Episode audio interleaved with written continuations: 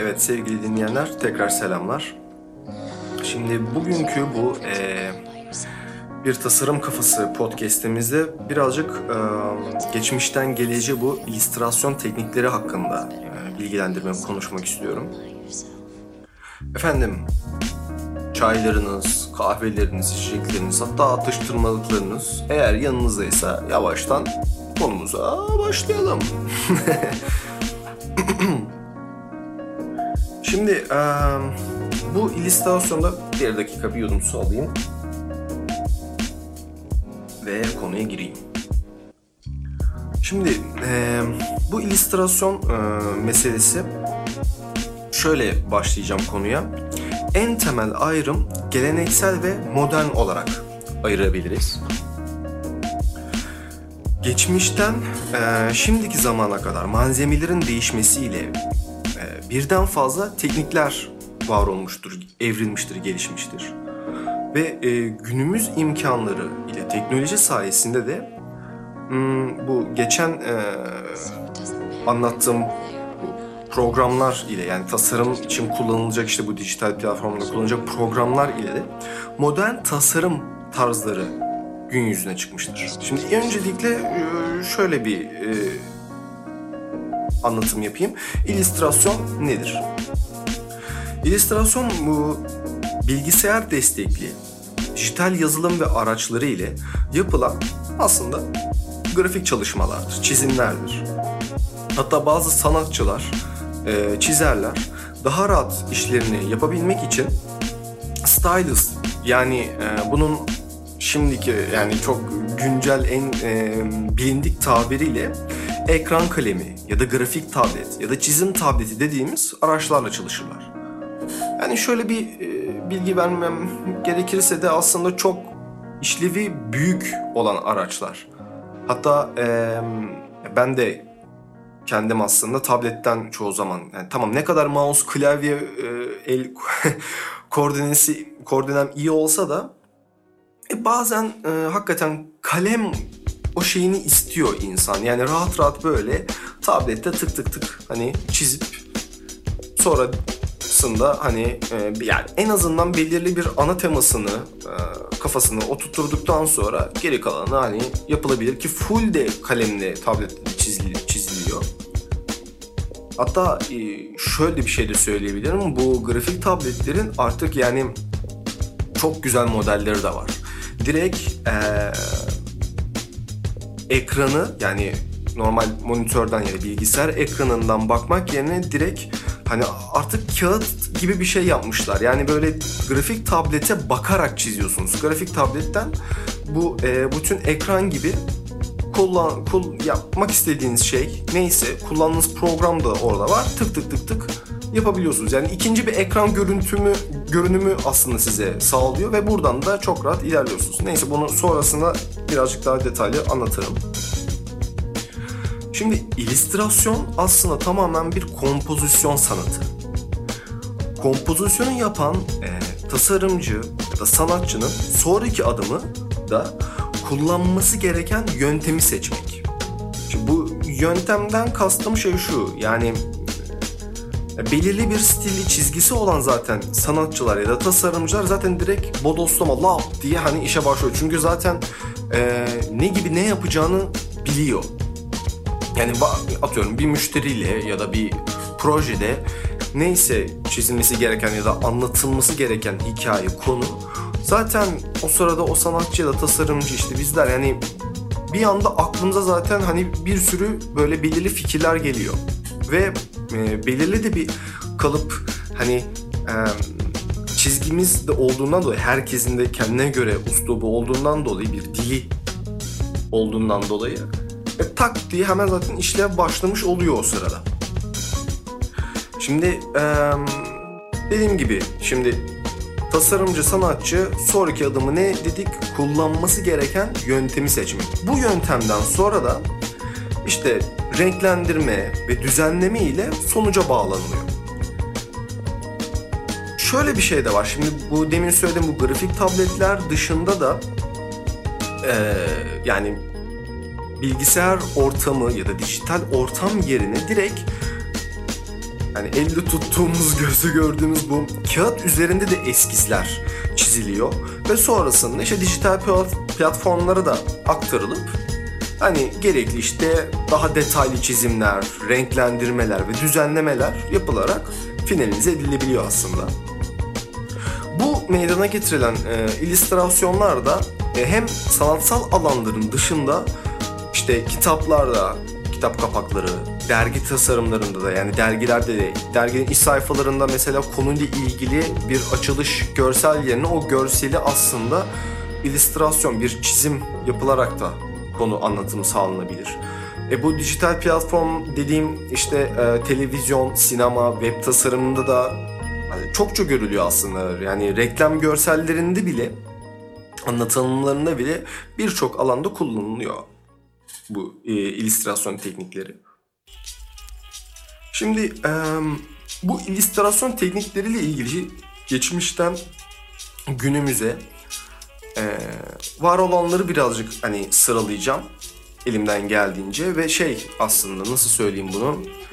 E, birçoğu kullanılmıyor birçoğu çok evrim değiştirdi farklı e, yani her yani zamanında kullanılan illüstrasyon teknikleri yapılan çalışmalar e, zaman içerisinde belirli işte zaten en başında da söylediğimiz gibi yani teknolojinin de gelişmesiyle ve bir sürü farklı tekniklerin çoğalmasıyla artık yani hani daha farklı bir hale de geldi. Yani aslında bitmediler. Varlar ama daha farklı şekilde günümüzde e, yaşıyorlar. Öyle söyleyelim.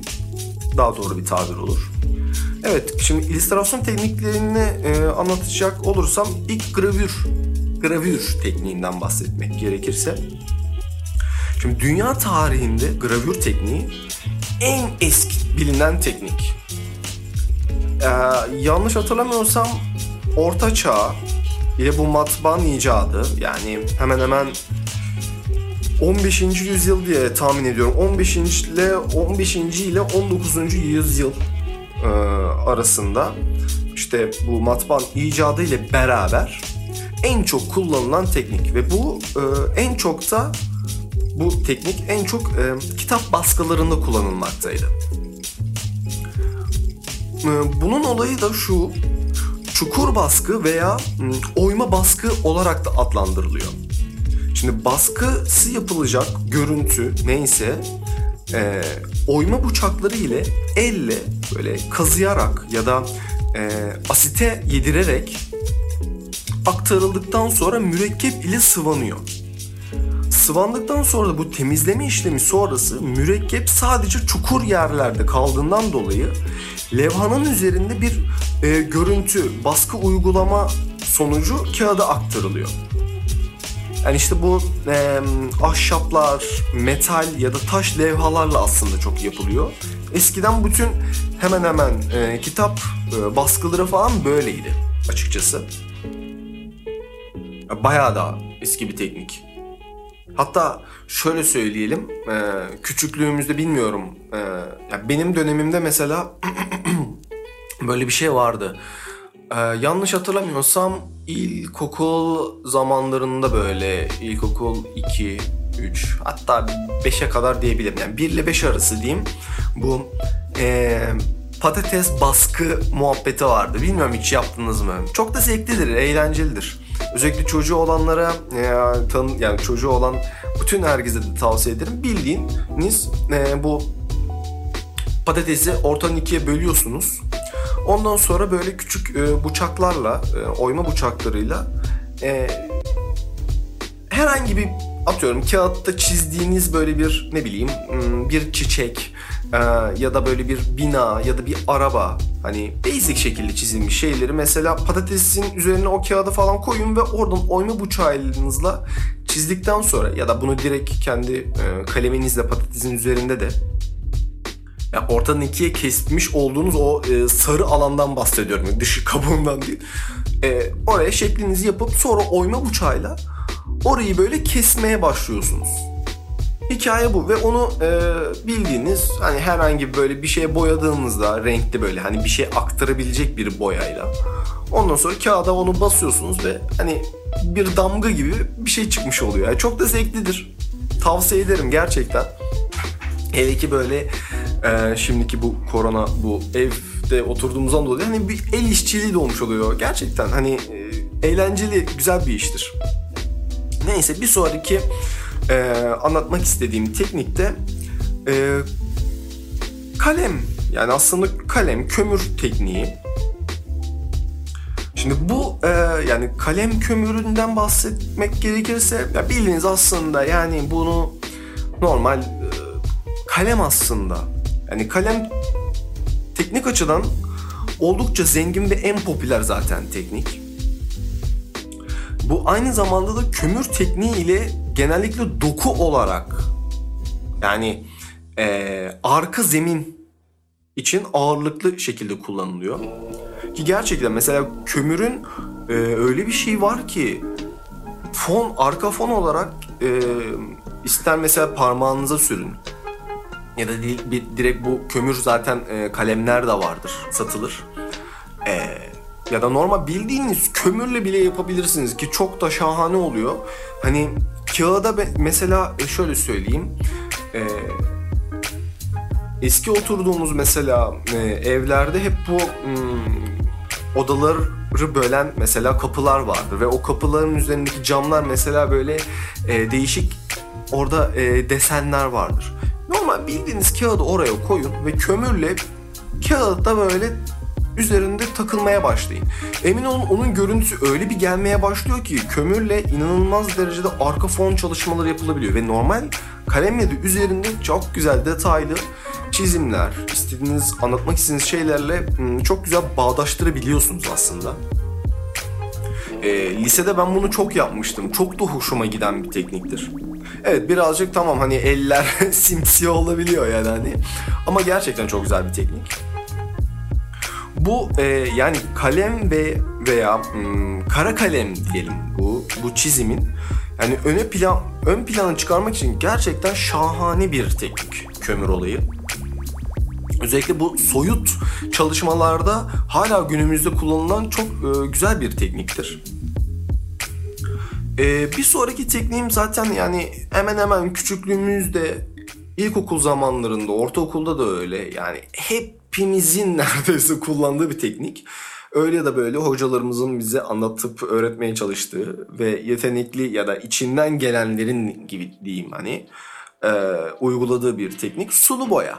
Çok basit yani hani bütün her yerde satılan marketlerde bile küçük böyle e, kutu halinde satılıp belirli basic bir fırça, belirli birkaç tane renkle satılan hani bir teknik aslında bir sulu boya.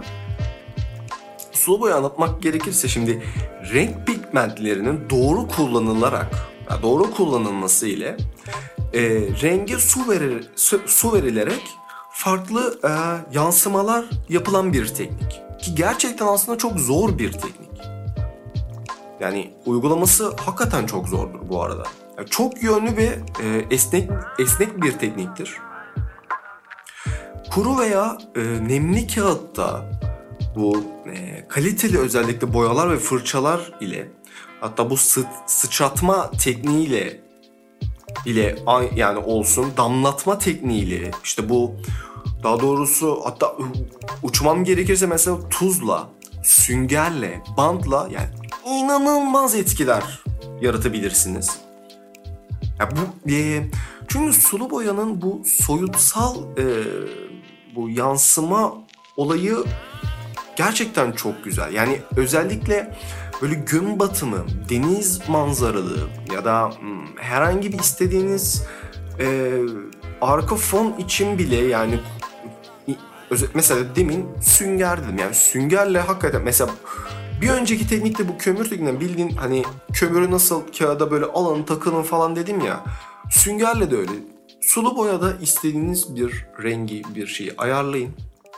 Bildiğiniz bu bulaşık süngeri ya bu yeşil sarı olan süngerler yani hani alın boyaya hafif banın böyle ve kağıtta hani böyle e, sağdan sola doğru ya da yukarıdan aşağı hiç fark etmez. Ya da yuvarlak yaparak tamamen şerbetinize bağlı. Sizin o anki hissiyatınıza, e, kafanızdan geçen çizime, tasarım şeyine bağlı. Yani inanılmaz gerçekten güzel e, etkiler çıkabiliyor.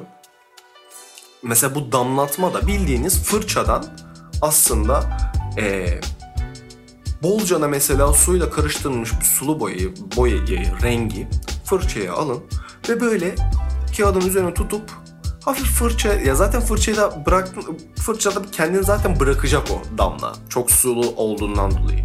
En kötü hafif parmaklarınızı birazcık sıktığınız vakit kağıda damlayacak ve o kağıda damlama o doku gelecek dokuyu siz düşünün. Kullandığınız renklere göre. Yani ki mesela e, şimdi daha önceki podcast'te de söylemiştim bu programlar hakkında mesela Photoshop. Şimdi Photoshop'ta mesela belirli e, brush şeyleri vardır. İnternette mesela sayfalarca yani bir sürü brush böyle e, değişik hem bu damlatma ile ilgili bu dediğimiz sünger meselesi ile ilgili bir sürü böyle efektif hani kullandığımız aslında araçlar var. Hani onu kendi kağıdınızda elinizle yaptığınız vakit bile inanılmaz güzel sonuçlar doğurabiliyor yani hani. İşte sı- sıçratma da öyle. Güzel böyle bir e, yani normal basic bir fırça da olur. Kalın ya da böyle hafif uzuncanı bir fırçayla normal hani basic fırça olur. Dediğim gibi hiç fark etmez. Ee, bir elinizde fırça alın, fırçanızı alın. Diğer boş elinize de fır, fırçanız ucunu sünger yani o e, kıllı olan tarafını parmağınızı tırnağınızla kağıda böyle döndürerek tık tık tık tık vurmaya başlayın. Bu çok güzel böyle atıyorum yağmur gibi bir efektif bir hale de getirebilirsiniz. Bambaşka şeyler de yaratabilirsiniz. Yani sulu boya aslında zordur ee, kendi içerisinde ama kullanımını e, kendinize göre çok rahat çevirebileceğiniz bir tekniktir. Ee, şimdiki anlatmak istediğim teknik de ve açıkçası benim en çok sevdiğim tekniklerden biri. Lisede özellikle bu e, çok yani ilk böyle gördüğümde o boyanın kokusu olsun, boyanın kıvamını görünce fırçayla olan yani kağıttaki verdiği doku falan yani beni çok büyülemişti. Guaj tekniği. Şimdi bu guaj tekniği de e, sulu boyadan daha zengin, daha hacimli, e, biraz daha koyu renklidir. Guaj boyada e, pigmentler zampla e, karıştırıldığından dolayı kağıdın e, dokusuna e, işlemeyip yüzeyinde kat oluşturur ve ışığın geçmesini engeller. E, yani bu yüzden de poster, işte bu e, çizgi romanlar gibi birçok alanda da eskiden çok kullanılan bir tekniktir. Ve halen de aslında kullanılıyor. Yani hani hala da bu tekniği çoğu zaman ben görürüm yani hani. Tamam evet bu teknolojinin de ilerlemesiyle dijital platformlardan e, çok kullanılıyor. Yani özür dilerim yanlış e, telaffuz ettim. Şimdi dijital platformlarda tabii ya Photoshop'tur, diğer programlarda hani belirli renkler kullanıyoruz. İşte dediğim gibi brush e, filtreleri, efektleri var. Onlardan yararlanıyoruz. Ama hani kendi içerimizde de elle tuttuğumuz yani gözle gördüğümüz bu canlı dediğim yani neredeyse. Yani kağıtlarda falan yani bu guaj boyanın etkisi çok güzeldir yani. Dediğim gibi çok ben kullandım. Ee, çok da severim. Hala da bazen böyle e, boş kaldığımda hani guaj boyu alır takılırım yani fırçayla ki mesela renkler bölümünde de bunu birazcık bahsettiydim. Yani guaj boyada renkleri karıştırarak hani daha doğrusu renkleri karıştırma yapıp farklı renkler elde etmek çok güzel bir histir e, ufkunuzu da açacağından eminim. Yani dediğim gibi bunu daha önceki programda da renklerle ilgili programda da birazcık söylemiştim. Neyse fazla uzatmayayım. E, diğer teknikten bahsedeyim. Akrilik. Şimdi bu akrilik de e, yoğun kullanılan gene bir teknik. E, her yüzeyde bu arada da uygulanır. Yani guaj da öyle. Yani sulu boya da öyle. Ya tamam hani sulu boyanın tamam şimdi her e, yüzeyde birazcık kullanılması tabii ki zor olabilir ama yani denilebilir aslında yani hani neyse akriliğe ben anlatayım. Şimdi yoğun kullanılan bir teknik ve e, özellikle de sulu boya gibi soyut resimlerde çokça hani kullanılıyor. Çünkü e, canlı renklere sahip ve temizlenmesi çok kolay bu akrilik tekniğinin. Zaten e, açıkçası bo, satılan boyalar da ö, yani akrilik boyaların da olayı o. E, hani kullandığınız yani mesela bir camda da kullanabilirsiniz akriliği.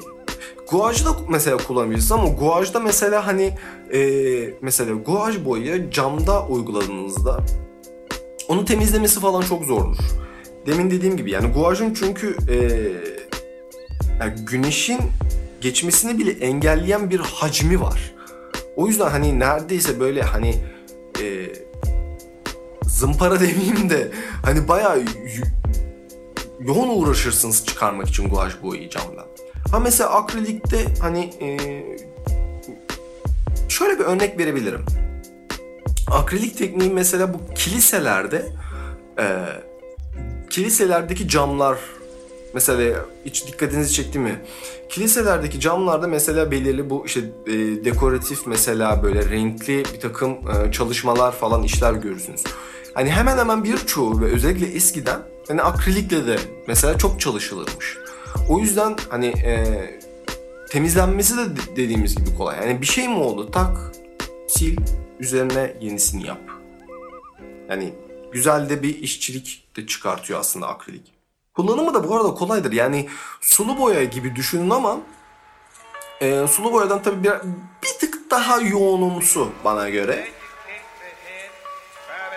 Özellikle camlarda falan evet bir e, çalışmanızı şiddetle tavsiye ederim. E, bir sonraki tekniğimde anlatmak istediğim teknik kolaj tekniği. Şimdi son yıllarda özellikle bu kolaj, te- kolaj tekniği e, popüler bir teknik oldu. Bu farklı malzemelere, e, farklı malzemeleri ve e, farklı biçimlerde bir bütün oluşturarak aslında e, yapılır, yapılıyor. Yani nasıl söyleyeyim? Birçok böyle hmm, hani örnek vermem gerekirse mesela elinizdeki fotoğraflar kesip biçip ondan sonra mesela gazete kağıtlarıyla da kesip biçip bütünleştirip bir form oluşturabilirsiniz. Bu bir aslında bir kolaj tekniği ve bunu e, boya yapılacak alanla aslında e, uygulayıp bütünleştirebilirsiniz. Yani Nasıl anlatayım bunu sizlere? Elinizde eski böyle e, fotoğraflarınız var. Bunları şerbetinize göre, kadrajınıza göre kesip biçiyorsunuz. Sonra bununla e, ne gibi bir şeyle birleştirmek? İşte dediğimiz gibi gazete kağıdı diyelim gazete kağıtlarından da atıyorum mesela harflerden ya da belirli mesela bir sayfanın bir formu e, biçimi sizi çok hoşunuza gitti. Onu kendinize göre keserek e, kesmiş olduğunuz daha önceki fotoğraflarla birleştirirsiniz, yapıştırırsınız mesela. Kağıda bir güzel onları oturturursunuz. Kendinize göre bir dizayn yaparsınız. Ve başından itibaren söyledim bu tekniklerle mesela sulu boyayla, işte akrilikle, guajla, işte bu e, akli nasıl söyleyeyim gravürle de beraber yani hiç fark etmez. Hatta üstüne kara kalemi de kömürü de koyup çok farklı şey. Bu aslında bir kolaj tekniği. Birbirinden farklı, bağımsız bütün her şeyi kesip koparıp birleştirip bütün var olan tekniklerle birleştirdiğinizde bu bir kolaj tekniğine geliyor aslında. Ee, diğer bir e, teknik, hatta, hatta bu teknikten öte e, çizim e, diyebilirim. Bu serbest di- dijital çizim. Özellikle yani çok çok kullanılan özellikle günümüzün olayıdır bu. Tamamen ve tamamen dijital platformda yapılan işte bu başında da söylemiş olduğum bu tabletlerde işte bu e, klavye mouse entegresi gibi e, aletlerle yapılan ve genellikle sanatçı ve tasarımın e, tasarımcının tüm bu e, teknikleri harmanlayarak yaptığı çalışmanın çalışmalar tekniğidir aslında. Yani bu bahsettiğim bu işte gravür, sulu boya, guaj boya, işte kö- e, kara kalem, e, kömür. Bütün bunları aslında el e, elle yapmak yerine tamamen ve tamamen bilgisayar ortamında, dijital platformda yapmak aslında. Ki e, evet iş için ağırlıklı yaptığım olay budur. Çünkü e, bir yandan zamana da karşı yarışıldığından dolayı işte müşteriler, e, çalıştığınız işte e, bir proje geliştireceğiniz olan ekiple beraber yani belirli bir zamana karşı yarışıyorsunuz. Bu zaman içerisinde de e, çoğu zaman hani böyle şey olmuyor yani olamıyor ne yazık ki. İşte ya kağıdı alayım da işte sulu boyayla bak şöyle şöyle gazete kağıdıyla böyle bir şey form oluşturayım onu böyle aktarayım tak tak üzerinde kara kalemle böyle bir çizim yapayım falan.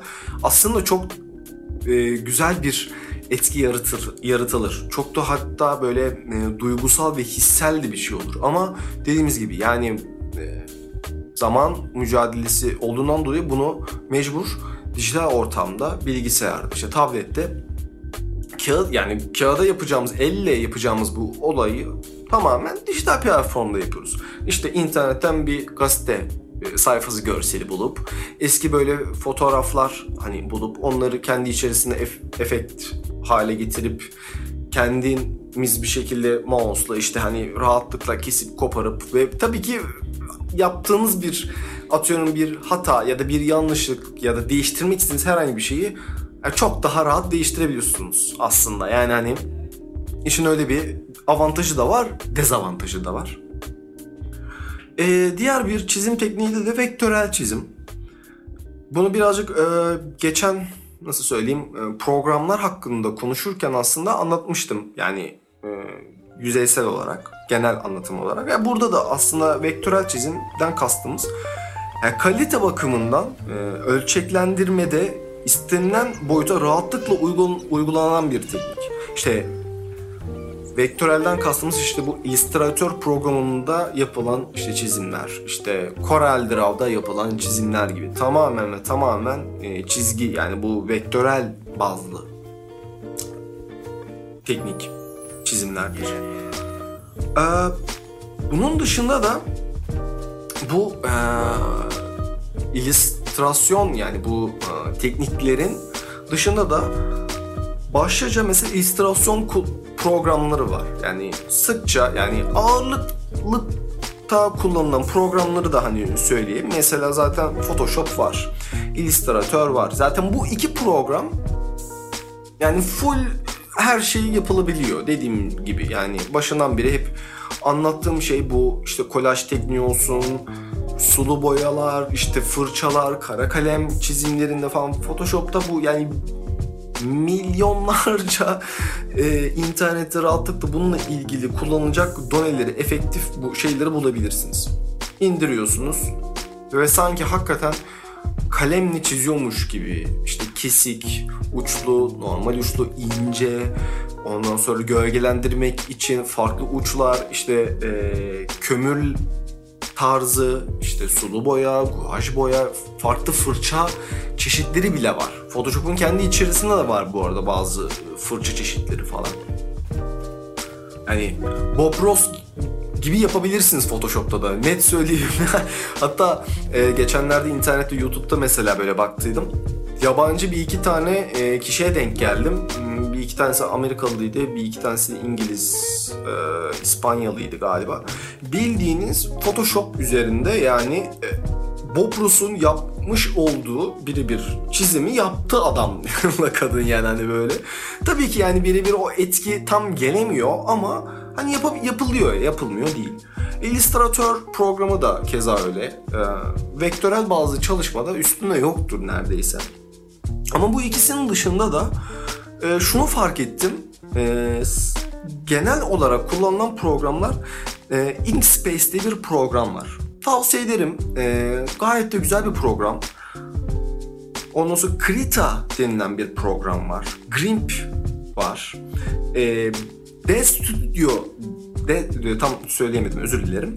Des Studio diye bir program var. Bu genellikle bu program gerçi aralarından birazcık sıyrılabilir çünkü 3D karakter bazlı bir program. Yani buradaki e, karakter yapım e, olarak bakıldığında hakikaten iyi bir program. Bir de Vector diye bir e, program var. Bu da hemen hemen Illustrator gibi vektörel bazlı bir program. Yani şöyle e, bir de grafik tabletler hakkında konuşmam gerekirse bunu da bir anlatayım. İşte bu stylus dediğimiz yani aslında e, grafik çizim tabletinin de bir hikayesi var. Hani bunu da küçük böyle bir altta vereyim. Şimdi bu çok enteresan. Ne, ne, yani dijital platformlarda kullanılan bu grafik tablet aslında 1955 yılında. Ya bir dur düşünün. Normalde aslında e, son e, birkaç e, yıldır aslında kullanıyoruz. Tamam hani birkaç yıldır değil hani 4-5 yıldır değil ama yani nereye baksak yani bir 15 yılı vardır minimum. Minimumu. Çünkü hemen hemen Wacom şirketinin ilk yaptığı bu meşhur tabletler var. çizim tabletleri, grafik tabletleri ya da hadi diyelim 20 yıl olsun. Yani 20 yıldır evet zaten kullanıyoruz. Kullanmıyor değiliz ama hani 1955'te olduğunu mesela e, ilk duyduğumda ben şok olmuştum. Neyse anlatayım anlayacaksınız. 1955 yılında şimdi bu e, Massachusetts Teknoloji Enstitüsü tarafından gerçekleştirilmiş ve popülerliğinin de 1980'li sonları itibaren bu ilk Atari oyun konsollarında ve aslında ev, ev bilgisayarlarında kullanılmaya başlanmış. Şimdi Atari'lerde şunu hatırlıyor musunuz bilmiyorum. Mesela ee, şimdi bir televiz... konuşamadım. Pardon. Şimdi bu Atari'lerde bu e, konsol uygulamalarının ilk uygulamalarda işte televizyona hani bağlıyorduk ve e, tamam hani bir elimizde bir konsol var. Oynuyoruz kablolu. Ama bunun dışında bir de e, kablo ile birlikte mesela atıyorum bir tabanca, bir silah mesela e, konsolda olurdu. Ve onu biz ekrana tutarak o dönem yani küçük küçük o pikselli adamları mesela işte ya da atıyorum böyle domates ya da işte atıyorum portakal iniyor onu vurmaya çalışırdık falan mesela böyle. Hani bu aslında e, tarih üzerine bakıldığında ilk tablet olarak şey olmuş. Hmm, nasıl söyleyeyim? Uygulanmaya hani o e, teknik diyeyim ya da o e, dijital e, akım diyeyim ilk o zamanlar aslında keşfedilmiş ve ondan sonra zaten tablete aktarılmış. Şimdi bu grafik tabletlerin de e, kalemin çalışma prensibi de ekranın üzerindeki piksellerin renk değişimini anlamaya dayalı çalışıyor. Şimdi tabletin ekran içindeki elektronları tarayan kalemin ucundaki algılayıcı e, nasıl anlatayım sisteme bilgiyi gönderiyor. Bilgisayar da kalemin ekranın hangi bölgesinde olduğunu anlayabiliyor. Ve bu sayede aslında e, var olan tabletin üzerinde hani kalem siz gidip geldiğinizde işte dokunup yukarı kaldırdığınızda herhangi bir yere yönlendirdiğinizde bu şekilde algılamasını yapıyor algoritmasını diyeyim. Ya eskiden de zaten en çok endüstriyel amaçlı yani e, bilgisayarlarda kullanılıp işte artık bu günümüzde de kişisel bilgisayarlarda, tablette ve hatta mobil cihazlarda bile kullanılıyor. Yani Hatta bir ara yapılan ilk telefonlarda bu e, hafif artık dokunmatik telefonlar daha doğrusu diyelim. Dokunmatik telefonlarda bu e, telefonların yanında küçük böyle kalem de verilir. Hani aşamayı görebiliyor musunuz? Yani 1955'ten bu zamana kadar ki olan işte oyun konsollarında başlayan bu macera bir anda işte e, telefonlar, işte endüstriyel e, çalışmalardaki bütün işlerde sonrasında kişisel kendi bilgisayarlarımızda da olan kullanımı tık tık tık kim bilir yarın öbür gün nasıl bir yere evrilecek. Yani artık teknoloji öyle bir gelişiyor ki gerçekten hem kullanım bakımından da kolaylık sağlıyor ve e, rahatlık, kolaylık zaman içerisinde de bizi rahatlatıyor. Ve başında da söylediğim gibi yani bir yandan e, bir göz ekranda, el aşağıda böyle tablet çizmek yerine artık çizdiğin, e, çizim yapmış olduğunuz tabletin orada ekran var artık. Yani mesela çok güzel bir teknoloji. Hatta e, yani delip de paralar aslında çok da hani e, yüksek paralarda satılıyor bu aletler ama e, yani küçük ebatlarını işte bu e, A5 denilen ondan sonra işte o ya neredeyse 11 inç, 12 inç, 13 inç gibi böyle e, boyutlarda da mesela hani evet hani 3000 5000 TL'lik fiyatlarda dönüp dolaşıyor. E, ama büyükleri var. İşte A4 ve üstü A3 boyutları daha büyükler işte e, birkaç tanıdığım da var. Yani çok büyük rahatlık yani bütün ekran sanki oradaymış devasa gibi böyle çok rahat orada çizim yapıyorsunuz yani. Bu tamamen sizin e, yapmış olduğunuz işle alakalı. Yani siz ne kadar hani yoğun bununla çalışıyorsanız para evet veriyorsunuz birazcık büyük yani 5000 TL üstü yani 10 bin 15 binlerde geziniyor yani büyük e, ebatlar. Ebatta olan grafik tabletler. Yani o yüzden de dediğim gibi eğer yoğun bir şekilde kullanıyorsanız alın evladiyelik en azından bir e, 10 yılınızı 5 yılınızı sizi rahatlıkla götürebilsin. Ama küçük e, ya ki ben mesela birazcık ergonomiklik, e, minimallik taraftarı ve yani yaşam yaşadığım yaşam felsefem de nispeten bunun üzerinedir. Ne kadar sabit az bir şey o kadar benim için iyi. Ve dediğim gibi yani küçük ben mesela kullanıyorum. E çantama çok rahatlıkla sığdırabiliyorum. Rahatlıkla taşıyabiliyorum. Şimdi büyük olunca çantama da sığmıyor. Otomatikman daha büyük çanta ya da daha farklı ekstra bir şey taşımam da lazım. E yani işte laptop'tır, grafik tablettir, mouse, klavye. Hani belirli bir kompakt, belirli bir e, büyüklük kullanırım. İstediğim yerde çok rahat taşınabilir olduğundan dolayı ben böyle bir yol izliyorum. Bu tamamen ve tamamen sizin kullanım, e, rahatlık, e, ergonomiklik işte nasıl söyleyeyim tamamen size bağlı bir şey. İstediğiniz gibi takılabilirsiniz bu grafik tabletleri. E, çizim bu teknikler bakımından da e, tekrar şöyle bir baştan sıralamam gerekirse gravür tekniği, işte kalem ve kömür, kalemi tekniği, sulu boya, guaj, akrilik, kolaj. Bugün bunları anlattım. Ee, bilgisayar ortamında da, dijital platformlarda da bunu e, zaten hani tasarımcı, grafiker arkadaşlar zaten bunları uyguluyorlar. Aynı zamanda hani sanatçı insanlar da zaten her e, yaptığı çizimlerinde, eserlerinde bunları uyguluyorlar birçoğunu ya da kendilerine göre bir çizim, bir teknik uyguluyorlar ve bir dil oluşturuyorlar. Bununla ilgili yürüyorlar. Ama bunun dışında da dediğim gibi yani bu özellikle e, korona günlerini yaşıyoruz. Ama sırf bu korona günleri dışında ya değil, bunun dışında da e, artık nasıl normalleşeceksek e, eskisi gibi normalleşmeyeceğiz gibi geliyor ama en azından hani e, dışarıya çıkıp evimize rahatlıkla hani girip gelebileceğimiz bir ortam sağlandığı vakit bile mutlaka ve mutlaka hani bu teknikleri denemenizi tavsiye ederim. Özellikle dediğim gibi yani çocuk sahibi olan bütün herkesin hani çocuğuyla birlikte hani uygulayın. Çok güzel eğlenirsiniz. E, ufkunuz da açar. Kim bilir belki bir anda e, bambaşka böyle bir hmm, aklınıza bir şeyler gelir ve bir anda bir sanatçı, bir tasarımcı olmaya başlarsınız. Belli mi olur?